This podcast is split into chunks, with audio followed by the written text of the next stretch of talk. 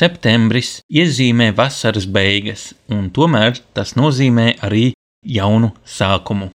Radio Marija Latvija uzsāk jauno sezonu, bet bērniem un jauniešiem sākas vai atsākas skolas gaitas. Uz sarunu esam aicinājuši tos cilvēkus, kuri šajā nozīmīgajā ceļā ir līdzās mūsu mazajiem un netik mazajiem, par to, kā tad ir būt skolotājam un vienlaikus kristietim. Sarunāsimies ar četriem skolotājiem, no kuriem divas skolotājas ir arī kristīgu skolu direktores. Ar tevi šovakar kopā es, Augusts Kolums un raidījums Savienots.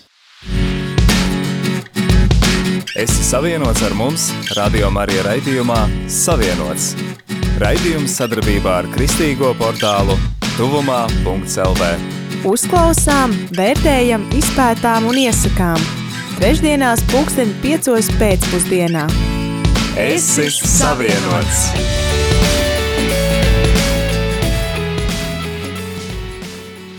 Rubrika Ieklausāmies! Ar tevi raidījums Savienots. Šodien raidījumā Savienots runājam ar četriem skolotājiem. Kopā ar mums studijā ir Rīgas katoļu ģimnāzijas direktore Anna Jermakoviča, Rīgas pirmās kristīgās pamatskolas direktore Iveta Gaile, matemātikas skolotājs Artūrs Dimitrijevs un arī matemātikas skolotāja Diāna Upīte. Kāpēc tad skolotāji? Kā jūs nonācāt pie šāda dzīves ceļa? Man tas bija pavisam vienkārši. Vidusskolas laikā man padavās matemātika, bet man viņa īpaši neinteresēja. Tad es domāju, ko darīt. Negribas tā rīktīgi studēt matemātiku, tad iešu par skolotāju. Jo mācīt man padodas, matemātika arī padodas. Tādēļ tas tajā brīdī likās vienkāršākais ceļš, ko iet. Bet beigās es ļoti esmu apmierināts ar to. No man nokļūšana skolā bija saistīta tieši ar to studiju izvēli. Man vispār vidusskolā bija tā, ka visi klases biedri jau sen bija izdomājuši gan arī visu savu biznesa plānu, ko katrs darīs, kur katrs ies. Un es uz tā visu fonu jutos diezgan izmisusi ar to, ka man nebija ne jausmas, kur iet studēt. Un tad, kad bija kaut kādas pēdējās dienas, lai iesniegtu dokumentus augstskolā, tad es pat neatceros, kā, bet es izdomāju, ka, nu, labi, es aiziešu uz to programmu, kas saucās Vidusskolas matemātikas skolotājs. Un tā es tur iestājos, un tā es arī, kad skolā nonācu, tad tur arī esmu palikusi jau kādu labu laiku. Es nezinu, vai es izvēlējos, man liekas, kāds izvēlējās mani šajā vietā. Šī brīdī es pasniedzu ticības mācību, Katoļu gimnāzijas es pasniegusi arī matemātiku no 92. līdz 2002. gadam. Prieks, ka mēs tik daudz matemātiķi esam šeit. Pašlaik es pasniedzu ticības mācību un esmu beigusi Rīgas augstāko reliģijas zinātņu institūtu maģistratūras programmu. Cilvēks jau var sapņot par kaut ko, bet ir kaut kas viņam dots, un par velti es saņēmu, un par velti dodu. Nu, man jāpievienojās, mani dievs atveda pie pedagoģijas, jo es gāju stāties Mākslas akadēmijā, iesniegt dokumentus, un vienkārši ieraugu, ka pie viena galdiņa ļoti daudz cilvēku, rinda ir, pie otra nav neviena, un es domāju, kāpēc man vajag pie tā, kur daudz cilvēku. Es aizgāju pie tā, kur neviena nebija, un tikai tad, kad es aizgāju jau uz akadēmiju, es sapratu, ka es esmu pedagoģijas nodaļā iestājusies, kas tajā gadā bija pirmo reizi atvērta pēc liela pārtraukuma studēju, pilnīgi pārliecināta, ka būšu māksliniece caur un caur, bet pagāja laiks un sapratu, ka man pedagoģija un bērni ļoti, ļoti, ļoti patīk, un tad sadumpojos uz mākslas pasauli, noliku mākslu malā, un tagad liekas, ka sāku atkal atgriezties pie mākslas, jo pedagoģija kļūst aizvien, aizvien, manuprāt, grūtāka.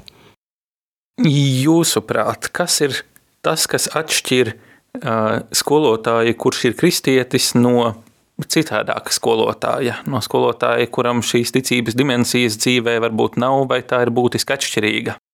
Skolotājs vispār tā ir zelta profesija, kura ļoti reti, kad savu gandarījumu par darbu saņem nu tā uzreiz, Pārsvarā tas ir ilgtermiņa process, un vispār ir ļoti daudz labu skolotāju. Ir žilbinoši labi skolotāji, kuri netiek novērtēti un kuri mums ir mīļi jau no skolas laikiem. Jebkurš cilvēks var tā nosaukt kādu sev ļoti mīļu skolotāju no skolas laikiem, bet ar kristīgo skolotāju tā ir gan izredzētība, gan papildu atbildība. Un tas ir tā kā reklāmās par to veļas pulveri, kas kādreiz bija ļoti populārs, ka ir parastie veļas pulveri, un tad ir tas. Un man liekas, ka kristīgais skolotājs ir ar šo te pievienoto vērtību. Vai tas dzīvē īstenojas? Tas jau ir cits jautājums, bet katrā ziņā tā atbildības nasta tā tomēr izredzētības misijas nasta, kurai nāk līdzi nenoliedzami kaut kas tāds īpašs, svētā gara piesitiens. Tas ir ļoti, ļoti svarīgi. Jā, cik es atceros, arī priesteris Jānis Aglonietis mūžīgo mieru Katoļu ģimnāzijas skolotāji mums vienmēr atgādināja, ka jūsu alga ir debesīs. Protams, ka šeit mēs to nevaram saņemt. Tas būs pēc tam. Ir mirkļi, kad arī man skolēni klasē ir teikuši, skolotāji, jūs izskatāties laimīgi. Nu, kad beidzot pie astotā skaidrojuma bērns ir sapratis, es izskatos laimīgi. Bet tas gandarījums, protams, ir tas īslaicīgais, bet tā balva būs debesīs. Es domāju, jebkura skolotāja darbs, ne tikai kristīga skolotāja darbs, tas ir kalpojums, vai viņš to apzinās vai nē. Jo katrs skolotājs to savu priekšmetu, nu, viņš patiesību atklāja bērniem, un kas meklē patiesību, tas meklē dievu, vai viņš to apzinās vai nē, kā saka Edita Steina. Tātad arī nekristīgs skolotājs faktiski atklāja kaut ko no radītās pasaules, vai tas ir dabas zinībās vai no mākslas, citos priekšmetos. Viņš uz to virza. Un skolotājs nemaz nevar būt bez cilvēka mīlestības, bez tuvāka mīlestības. Nu, tāda skolotāja nav. Viņš nevar. Viņš ir cilvēku orientēts. Tā profesija pati to paģēra. Jā, protams, tad, ja mēs arī lūdzamies par saviem skolēniem, par saviem audzēkņiem un ietveram arī viņu ģimeni, viņu ģimenes locekļus un visu vidi savā lūkšanā, tas ir kas vairāk. Tas ir mūsu devums.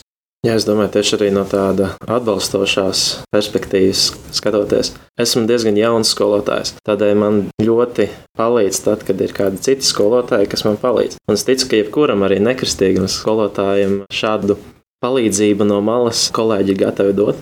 Bet ar ko atšķiras kristīgs skolotājs, kad viņam ir vēl viens palīgs viņam blakus, piemēram, stundas vidū, ja kaut kas neiet, kaut kas aiziet pilnīgi greizi, varbūt kā ir plānots, tad lūkšanas attālumā ir šis vēl viens palīgs, kas arī man bieži vien ir izglābis no daudz dažādām sarežģītām situācijām. Bet es par to atbildību domājot, nu, ir tā, tā ne tikai par skolotājiem, bet arī par bērniem ka parastajā skolā, vai, nu, teiksim, nu tā, nekorekti, bet parastais skolotājs, ja kaut kas nesenāk, nu, gadās. Nu, tā ir mūsdienu jaunatne, pa bērniem saka. Bet, ja kristīgajā skolā un kristīgais pedagogs neizdara tā, kā vajag, vai rīcība nav tāda, kā gaidīta, tad jau tā atbildība ir pavisam citāda. Un te ir tas, ka neapzinīgi, bet sabiedrība tomēr tam kristīgiem skolotājiem to latiņu pacēlus augstāk nekā ikdienas parastā, nu, man atkal jālieto tas vārds parastais skolotāji. Man liekas, vēl viena lieta, kas atšķir, ir savā ziņā motivācija, it kā vienā un tajā pašā rīcībā. Un es domāju, tādā ziņā, ka gan jau tas, kas te tika pieminēts, nu, ka skolotāji visi normālā gadījumā mīl savu darbu un mīl savus audzēkņus, bet ja jau viena lieta, kas ir teikta par kristiešiem, ir tas, ka kristiešiem vajadzētu atpazīt pēc tās mīlestības mūsu starpā, tad arī tas pilnīgi dabīgi redzams arī nu, skolā, tajā darbā pie skolāniem, ka tā mīlestība nāk Viņa ir mums dota no dieva, un viņa izpaužas arī pilnīgi citādākā veidā skolā pie tiem skolēniem. Un skolēni arī to pamana. Par to es esmu pilnīgi pārliecināta, ka skolēni pamana to mīlestību no skolotāja. Un viņi redz, ka tas ir tomēr kaut kādā ziņā citādāk nekā varbūt ar citiem skolotājiem, kas nav ar dievu, kas nav kristieši. Un vēl arī tagad, kad daudz runā par visām tām jaunajām kompetencēm vai lietām, kas būtu jāiekļauj stundās, kur runa ir par to, ka vajadzētu papildus jebkuram skolotājam strādāt pie tādām lietām kā godīgums vai kaut kas cits. Man liekas, tur arī kristīgam skolotājam tā motivācija, piemēram, par tādu godīgumu runāt vai viņu veicināt, arī ir pilnīgi citādāka. Jo tas nav tā, ka tā būtu tāda viena lieta, ko vispār varētu izņemt ārā no konteksta, un tagad mēs strādāsim tikai pie godīguma. Man liekas, tas nāk kopā ar visu to ticību, ar visu to, ko Dievs no mums prasa, ar visu to, ko Jēzus mums ir parādījis, ko Viņš mums ir mācījis, ka tā ir tāda pilnīgi dabīga lieta, pie kā strādāt, vai viņi ir rakstīti tur kompetencēs vai, vai kādā citā papīrā vai nav. Nu, tas tikai tāds viens piemērs, bet daudz kas tāds, kas tiek, nu, vismaz šai laikā, man liekas, ka daudz kas tāds, kas tiek uzsvērts kā kaut kas jauns, kas būtu jāiekļauj tajās stundās mācību procesā, kas man liekas, ka ir tāda, nu, pilnīgi dabīga lieta, bez kā īstenībā tu kā kristietis nemaz nevarētu tur strādāt, to stundu vadīt vai veidot. Mēs jau mācām ne tikai to priekšmetu un zināšanas, mēs audzinām cilvēku. Nevar būt tikai stunda zināšanu nodošanai. Ar savu piemēru, ar savu dzīves skatījumu, ar savu attieksmi pret bērniem mēs viņus audzinām. Un viņi no piemēra mācās vairāk nekā no mūsu vārdiem. Mēs jau zinām, cik neverbālā komunikācija ir svarīga un cik viņi daudz sniedz. Un tas ka mēs vēlamies, lai viņos būtu vērtību izpratne un lai viņiem būtu šie tikumi. Protams, ka mēs varam teikt, esi godīgs, bet otrs mēs labojot viņa kļūdas un neļaujot viņam norakstīt, vai kā mēs parādām to godīgumu caur darbību. Tas vislabāk to atklāja. Jā, šī viena lieta, ko jūs minējāt, ir, ka kristīgs skolotājs ir pakļauts varbūt stingrākiem standartiem, ka no viņa sagaida, ka viņš būs labāks. Vai pastāv arī kādi varbūt aizspriedumi piemēram, no tās sabiedrības daļas, kur ir ļoti, ļoti pret baznīcas iesaistīšanos sabiedriskos procesos, kas varbūt iebilst pret to, ka kristieši ir skolotāji, kas ietekmē viņu bērnus ar saviem viedokļiem, savu pārliecību, vai tik tur neaizies tai izglītības programmai līdzi kaut kas, kam vecāki varbūt netic, vai kas apdraud vērtību sistēmu, kaut kādas sekulāras idejas vai ko citu. Kāda ir jūsu pieredze ar šo?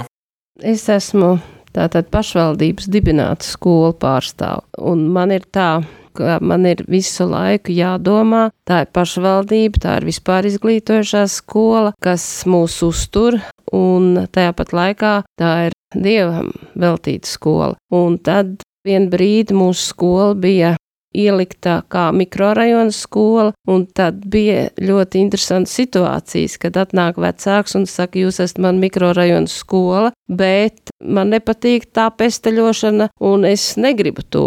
Un es saku, bet pie durvīm pat plāksnīte ir jau ieejot iekšā, ko jūs redzat. Bet mēs negribam, un paldies Dievam, mums noņēma to mikrorajonu, Mēs tagad skatāmies pie nacionālajām minoritātēm, varētu teikt, kā Igaunijas skola, kā Ukraiņu skola, jā, kur nav mikrorajons, bet tās situācijas ir brīžiem tiešām grūtas.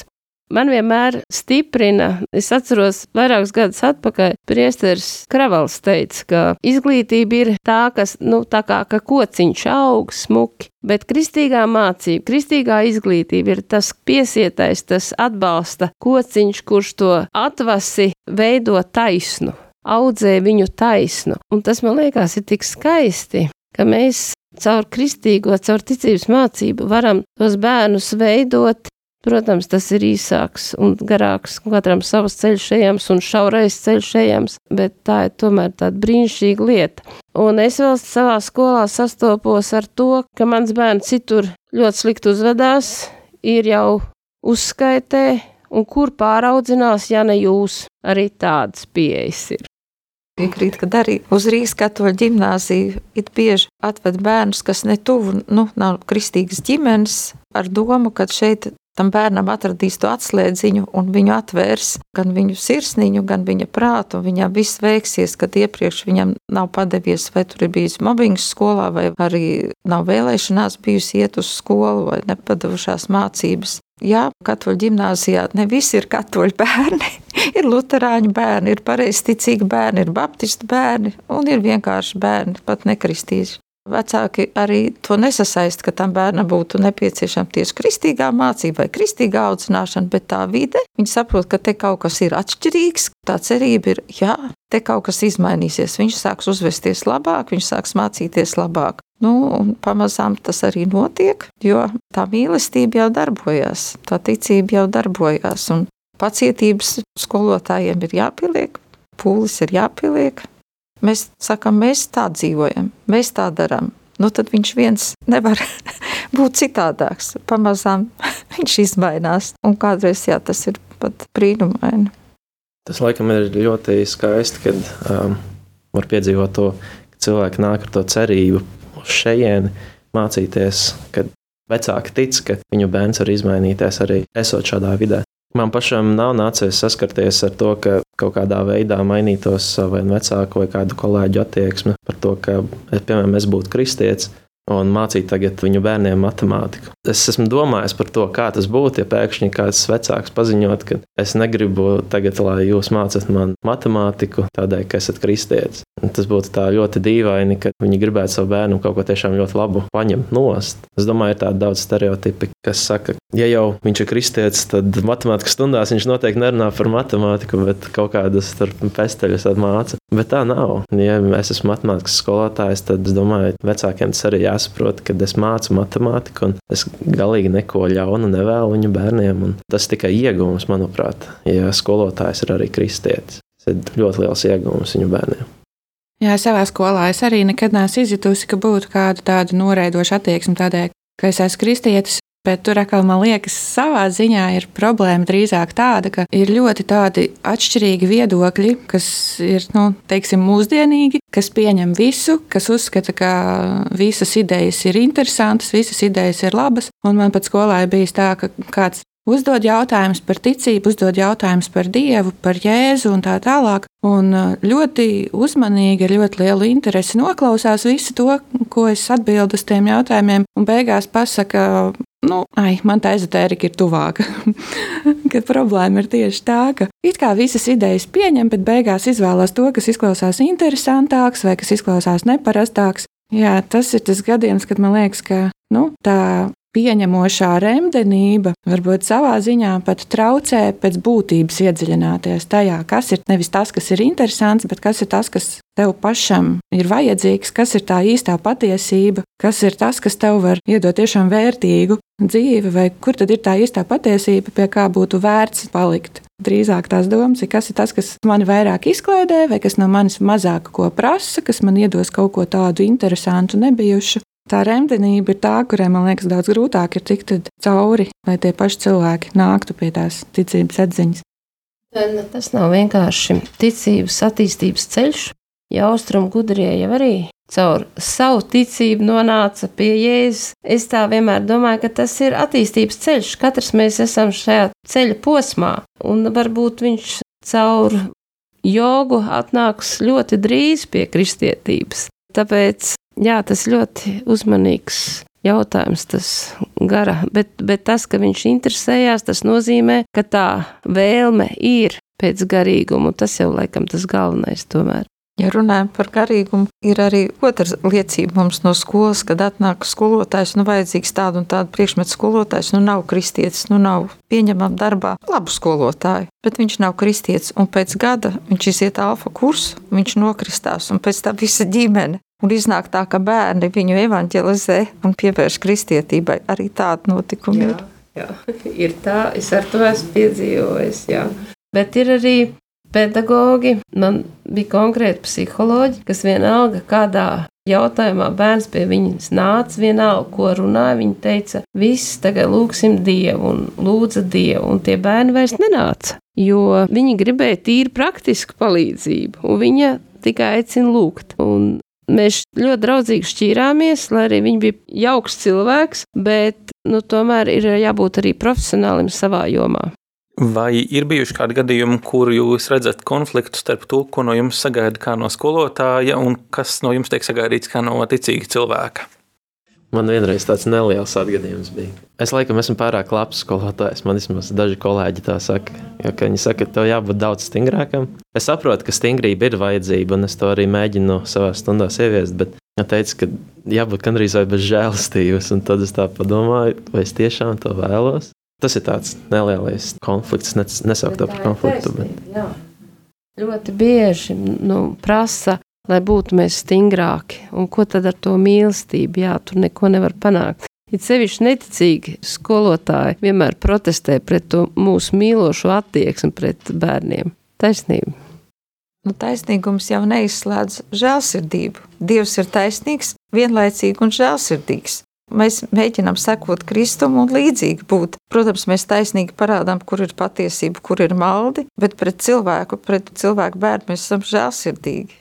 Tas viens otru jau neizslēdz, bet papildina.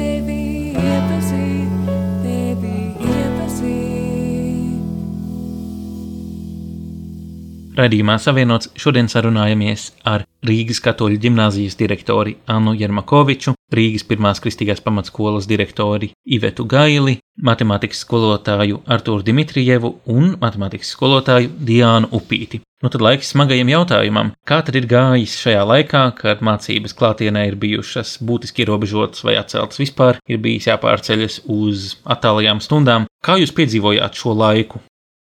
Sākums man liekas, ka bija pilnīgi haotisks. Savā skolā es izjūtu to īpaši tādēļ, ka tā attālinātā mācīšanās sākās pēc tās pavasara brīvlaika nedēļas, kad tomēr bija laiks sagatavoties tās nedēļas laikā attālinātajām mācībām. Tad manā skolā nav brīvlaiks, un mums uzreiz ar pirmo dienu vajadzēja sākt strādāt attālināti, un tā nedēļa bija tāda milzīga haotiska taustīšanās sākumā, kamēr vispār varēja saprast, kā līdz tiem skolēniem tikt. Tas par to pašu sākumu. Bet man nu tā, pirmā lieta, kas ar visu šo nāk prātā, bija tā, ka man laika gaitā strādāt palika aizvien vieglāk, saprotot, kādas rīks var izmantot un kā vieglāk komunicēt, kādas platformas pieejamas. Un skolēniem es redzēju, ka paliek aizvien grūtāk. Tieši ar visu emocionālo pusi, tieši ar visu to distancētību, ka nav tie draugi, kas ir tik ļoti svarīgi, kur viens otru atbalsta un viens otru motivē. Nu, mums varbūt tāpēc, ka mēs maza skola, mēs tajā brīvlaika nedēļā spējām pārorientēties uz attālinātām mācībām. Mums ir ļoti izcila vizuālās komunikācijas skolotāja, kas draudzējās ar tehnoloģijām, un viņi visai skolai izstrādāja platformu, kurā mēs pārnesām visu stundu sarakstu, samainījām stundas un salikām tā, ka katrai klasē ir tiešsaistes stundas, trīs, ne vairāk, un pārējās tātad viņi strādā patstāvīgi. Nebija pārslodzes bērniem, un tā kā es saku, mēs neesam ne tik daudz skolotāju, ne tik daudz skolā, ka mēs spējām to visu sakārtot, līdzsvaroti, un tās atskaits bija jāsūt no sākuma katru nedēļu uz Rīgas domu, un mēs, jā, un vecākiem iebildumi no sākuma bija, un jautājumi nebija, teiksim, katram dators mājās vai telefons, lai attālinātu pieslēgtos, un sevišķi, kad mums ir daudz bērnu ģimenes, kur seši un astoņi bērni, un tad arī nav jau sešas un astoņi astoņas istabas katrā ģimenē, lai katrs varētu tajā zūmu stundā. Tad mums bija jāskatās arī, kad mums ir skolēni 4. un 6. klasē, lai vienlaicīgi nebūtu šīs attālinātās mācības stundas, bet kaut kā to mēs, pateicoties profesionāļiem, to izdarījām. Viens skolotājs ātrāk, otrs vēlāk pieslēdzās summu nodarbībām, sāk izmantot dažādus tos rīkus un baltās tāfeles un ekspēru un tā tālāk. Bērni mums katru rītu modās kopā ar klases audzinātāju pirms mācības stundām, 8.50 vai 9.00, kā kuru klases audzinātāju. Vispirms bija rīta aplis, tā kā mums tas ir arī skolā ikdienā, ka mēs iesākam ar tēvreiz, ar šo rītu lūkšanu, un pēc tam dodas uz stundām. Un tas var būt ļoti palīdzēja emocionāli tiem bērniem noturēties. Kaut vai viņš ir vēl virtuvē ar krūzīti vai savā gultiņā, bet jau skolotājs zvana no rīta vai klases audzinātājs. Un, ja mēs esam visa klase kopā, un tad mēs ejam uz to stundu, šodien būs pēc tam būs tā stunda, tad jūs pats strādāsiet, tad noslēgumā būs kas cits. Un tikko bija iespējams mācīties ārā, svaigā gaisā pagājušā mācību gadā, aprīlī, maijā. Mēs izveidojam septiņas ārā klases, un arī trīs dienas izvēlējāmies nedēļā, kad nācām uz ārā nodarbībām. Un skolēni izcili uzvedās, izcili labi. Nekad viņa klases telpās tik labi nebija uzvedušies. Vislielākie daudzoņi nesa somas klases piedrenēm un klausījās atvērtu muti. Tik labas stundas nekad nebija bijušas, jo viņi bija tā noilgojušies pēc klases biedriem, protams tas cilvēciskais faktors, ka tu esi mājās viens un ierobežots. Viņi visi sajūta, cik svarīga ir komunikācija, cik svarīgi ir būt kopā ar draugiem, cik svarīgi būt tiešā kontaktā ar skolotāju. Jūs teicāt par ārā stundām. Es līdzīgu lietu atkal novēroju, tad, kad bija pirmais eksāmens, kas notika klātienē, 12. klases eksāmens. Es nekad nebiju redzējusi, nu, cik es 12 gadus jau strādāju tajā skolā, es nekad nebiju redzējusi, ka skolāni tik laimīgi atnāk uz eksāmenu. Tas bija, nu, likās lielākie svētki, kādi vispār ir bijuši, jo pirmo reizi satika visus atkal klātienē. Man vispār ir tā, tāda unikālā iespēja, kad es sāku strādāt par skolotāju divas nedēļas pirms skolas tika aizvērtas ciet. tā situācija bija tāda, ka es mācīju vienu klasi. Divas nedēļas es vismaz ar viņiem biju saticies, un tad varēju kaut kā vismaz turpināt, attālināt strādāt. Bet gadījās tā, ka vēl divas klases vispār nebija saticis klātienē, un es nezināju, kā viņi izskatās. Man nebija nejausmas, kas viņi ir. Un tas bija tāds izaicinošākais pirmajā semestrī, tajā pavasarī, kad tas viss sākās. Bet pēc tam jau pagājušais mācību gads, tad jau visi zūmi, Microsoft Teams, visas tiešais stundas, viss sākās. Lielākais izaicinājums, manuprāt, bija godīga prasmju novērtēšana. Priekš manis, kā matemātikas skolotāja, tas bija vislielākais izaicinājums, ka nebija nejausmas. Viņi vispār kaut ko ir iemācījušies, vai viņi nav neko iemācījušies. Un tagad, satiekoties klātienē, es redzu, ka ir tiešām ļoti lieli robi atsevišķām klasēm vai skolēnu grupām. Protams, ir arī tādi veiksmes stāsti, varētu teikt, ka skolēni, kas varbūt iepriekš nav tik labi mācījušies, kad sākoties šim visam lielajam pasākumam mājās, viņi kaut kā tomēr ir jutušies daudz brīvāk un arī labāk apgūši vielu.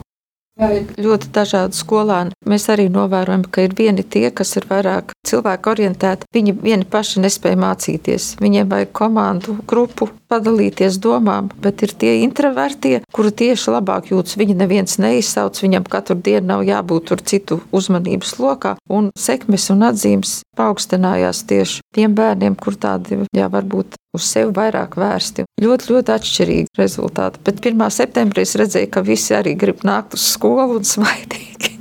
Vismaz pagaidām visi laimīgi izskatās. Jā, no izaicinājums tas bija milzīgs izrāviens. Man liekas, mēs to kompetenci saturu vismaz digitālajā jomā momentā gandrīz vai realizējām un īstenojām, bet skolotājiem bija ļoti grūti. Un man patika, kā tagad augusta beigās konferencē teica, ka tie divi mēneši skolotāja atpūtai bijis pamaz pēc tās milzīgās slodzes un ka mums jābūt ļoti, ļoti uzmanīgiem savu spēku sabalansēšanā, ka mums nevajag pārforsēt ar kursiem, ar semināriem, ar visādām jaunām lietām, ka mums vajag drusku arī par sevi padomāt un pažēlot. Un es vēl gribu pieminēt, ka man ļoti žēl bija to vecāku, kuri pildīja tos darbus bērnu vietā. Es tā iedomājos, cik tas ir šausmīgi, milzīgs slodzi, kad viņi atnāk pēc darba vai pēc padarīt kaut vai attālinātā darbu un sēžās bērnam un vēl pilda viņa mājas darbus tikai labu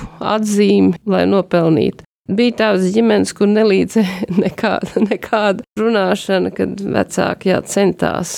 Tas ir tā, mums par to jaunās izglītības reformas sakarā ir jādomā.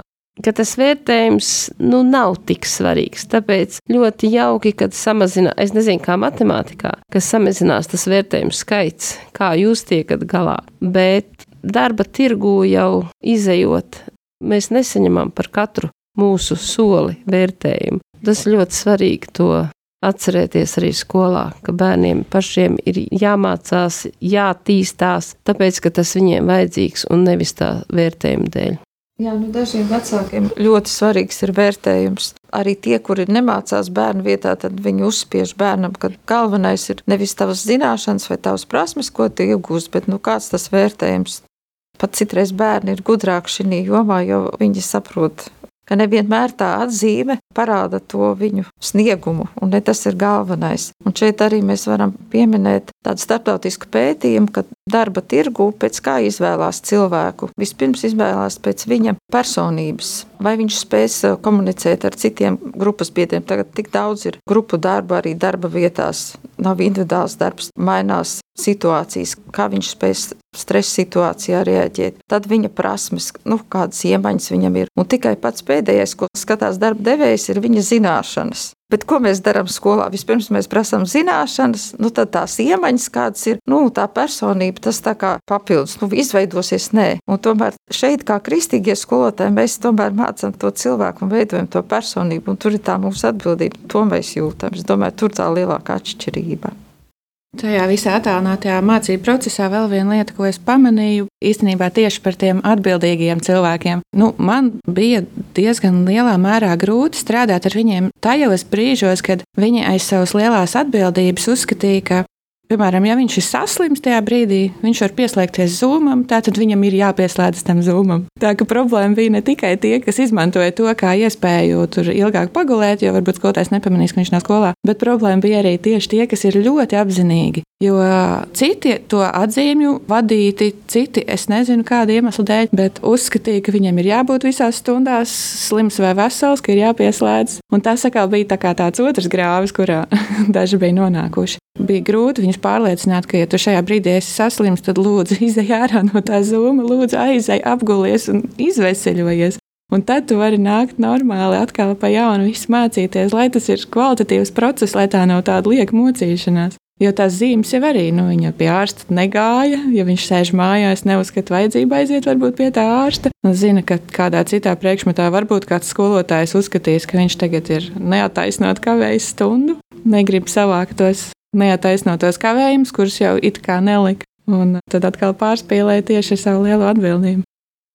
Vēl mums bija liela pieredze sporta stundas. Mums jauns sporta skolotājs, gados jauns, divus gadus kā beidzis akadēmiju, viņš izveidoja tātad šo vingrojumu komplekss, kas bija jāpild. Viņam bija jāizpild tādas tabuliņas, un jāatsūta, un arī kaut kad bija jāiet ārā. Un tad viņš izdomāja tādu sacensību starp klasēm, kur visvairāk noieto vai noskrieto soļu skaits. Un labākā klase saņēma, mēs no sākuma teicām, torti. Viņa teica, nē, nu, priekš kā mums torti pīcu, vislielāko pīcu. Tad tā klase, kas uzvarēja, saņēma šo pīcu. Un arī skolotājs iesaistījās, jo viņas gribēja, lai, nu, kura klase, tad mana klase, audzināmā klase uzvarēs. Tas bija tāds pozitīvs moments ar sportu. Viņa virtuālo pīcu saņēma. Nē, ne, viņa saņēma tad, kad klātienē reāli pīcu.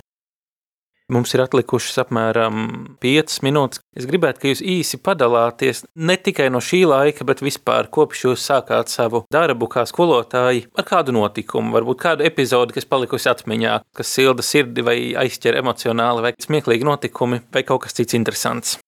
Līdz asarām aizkustinošs, nevis smieklīgs notikums. Es biju tikko stājusies direktora amatā, un uzreiz bija akreditācija. Un akreditācijas komisija uzdeva ļoti daudz jautājumus, kurus es nevarēju uzreiz atbildēt. Un man gribējās būt perfektai, bet nesanāca, un es biju ļoti, ļoti sabēdājusies. Un man bija stunda, kristīgajā mācībā, un man bērni prasa, kāpēc es esmu sabēdājusies, un nu, es pateicu godīgi, ka es daudz lietas neesmu izdarījis tā kā vajag, un es esmu saskumusi par to, un stunda beidzās, un mēs ejam tagad gaitenī, un nāk pretī akreditācijas komisijas vadītāja, un viņai pēkšņi divas meitenītes pilnīgi impulsīvi pieskrien klāt, nokrīt ceļos un saka, lūdzu, žēlojiet direktoru mūsu skoliņu. Un es domāju, ak, ārprāts, kāda būs reakcija. Bet viņai asars acīs saskrēja. Viņa saka, būs labi, būs labi, bērni, tikai ceļieties augšā. Bija labi, jā. Es domāju, ka parastajā skolā diezin vai tāda situācija var notikt. Nu, ja no akreditācijas arī nu, tie ir tie lielākie pārbaudījumi direktori. es varu atcerēties, tur ir divi bija momenti. Pirmais bija tas moments, kad atnāca komisija un pirmajā dienā Kad es stāstīju, ka mums ir dažādi bērni, dažādi arī pasniedzēji, viņi teica, nu tad jūs jau melojat, jūs jau nemaz nesat katoļu skola. Ja jūs te visādi, te nemaz nav viss katoļi. Tas bija pirmais pārmetums mums.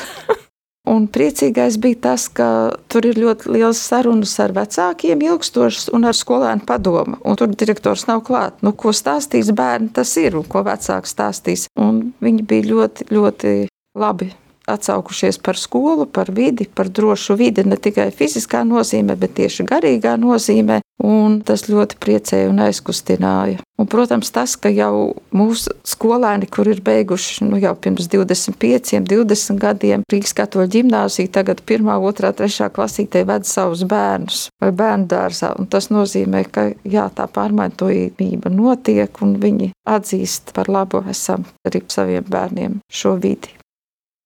Man vienīgais tāds nedaudz kuriozs notikums, kas ir bijis, tā bija viena konsultācija tiešsaistē. Man šeit tas bija zumā. Tur no dažādām klasēm pieslēdzās skolēni. Daži tur grib kaut ko labot, daži uzdot jautājumus. Tie, kas gribēja labot, viņiem iedod visus darbus, viņi pieslēgtām kamerām visu dara. Tad tur ir kādi, kas vēlas uzdot jautājumus, ar viņiem arī tur atsevišķi sarunājos. Un tad ir viena meitene, pieslēgts kameras, pieslēgusies speciāls konsultācija, un tur sēž tāda priecīga, laimīga. Uzdodam vienam jautājumu, uzdodam otru jautājumu, ko viņa vēlas šajā konsultācijā darīt. Un es uzdodu tai meitenei jautājumu, vai viņa vēlas kaut ko, ko viņa vēlas pajautāt. Viņa tā, nē, nē, es tāpat, un turpina sēdēt. Un es tā, nu labi, ja vēlēsies, tad turpini. Man jau nav grūti tāpat, vienkārši, ka tu tur esi. Labi, tad es uzdodu vēl jautājumus. Man uzdod jautājumus, mēs tur izrunājam, kāds uzdevums. Pēc brīža vēlreiz prasīju, meitene, ko tu dari? Tā kā tu vēlēsies kaut ko pajautāt, viņa tad nē, nē, turpina sēdēt, priecīgi, smaidīgi pie kameras. Un tad beigās viņa palika pēdējā. Un izrādās, viņa tik ļoti bija aizdomājusies par kaut ko, ka viņa nebija sapratusi, ka viņa pieslēgusies konsultācijai. Viņa domāja, ka kaut kas prasa, vai es kaut ko vēlos. Kā, nu, es atbildēju, nē, bet viņa neiedomājās, ka viņa tā kā reāli konsultācijā sēž. Tas bija tāds smieklīgs atgadījums. Nekāda tāda smieklīga atgadījuma man nenāk prātā, bet arī es varu tikai pateikt par to, cik ļoti mani skolēni ir mani pārsteiguši ar savu milzīgo sirsnību un ar to fantastisko attieksmi, kāda viņiem ir, un cik ļoti viņi īstenībā mīl savu skolu, un cik ļoti viņi mīl arī savus skolotājus. Jo es ļoti ilgu laiku turējos pretī un nepiekritu ņemt audzināmo klasi, un tad es beigu beigās tomēr piekritu. Un manā skolā, nu, tā ir mākslas skola, tur ir 36 audzēkņi katrā kursā, kas, protams, dalās pa grupām, mazākās grupās visās stundās, bet 1. septembrī nu, es tiku tā nobērta ar puķiem, ka jā, bija problēma, kā tikt mājās ar visām tām puķēm. Un tas bija pirmajā kursā, un es pēc tam domāju, nu, nākamajā gadā tur jau nu, viss uz pirmo skolas dienu noteikti atnāca. Nākamajā gadā situācija bija līdzīga, un trešajā kursā es atkal biju pārliecināta, ka nu, puķis jau būs beigušās, kādam noteikti būs. Un es uz darbu biju aizbraukusi nevis ar mašīnu, bet ar skūteri. un man tā milzīgā puķa kaudze, kas tika atkal atnesta. Tad beigu beigās tas skats, kā es braucu mājās no skolas, bija vienkārši fantastisks, ka man mugursoma bija pilna ar puķiem. Vēl bija kaut kur pie stūra pieziet kaut kādu puķu pušķi, un es pa vanšu tiltu braucu ar savu skūterīti un milzīgi kalni ar puķiem. Jā, un vēl arī visādos citādos veidos vienkārši tie skolēni tik ļoti, ļoti māku parādīt to savu sirsnību, to, kā viņi īstenībā novērtē to skolotāju, kas man vienmēr ir liels pārsteigums, jo man liekas, ka es jau neko tādu tur īpaši skolā neesmu izdarījusi. Es mācu savu klasi, man, protams, viņi ir mīļi, protams, es par viņiem arī lūdzu, Bet katru reizi redzot to viņu attieksmi, cik viņi ir sirsnīgi un cik viņi to augstu vērtē, tas ir milzīgs pārsteigums un milzīgs gandarījums.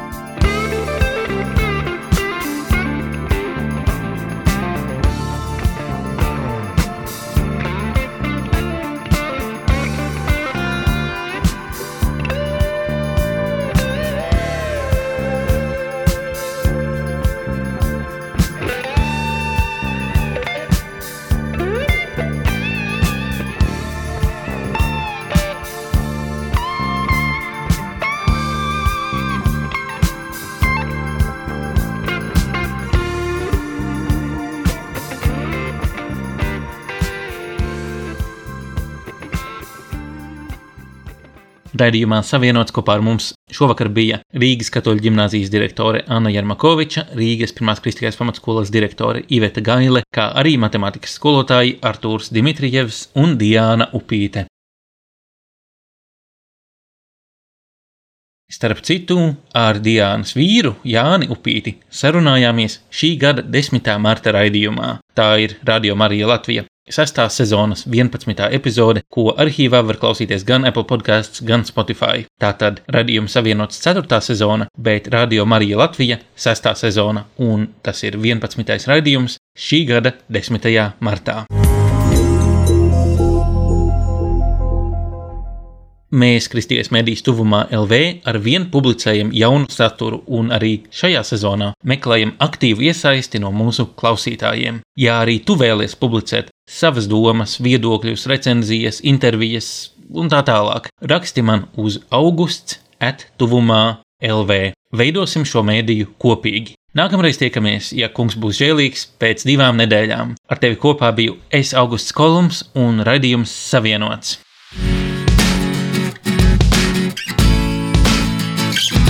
Tu klausījies raidījumu Savienots. Būsim atkal ēterā trešdien pulksten piecos pēcpusdienā. Klausies mūsu radio Marija un lasi kristīgo portālu tuvumā.lv. Esi savienots!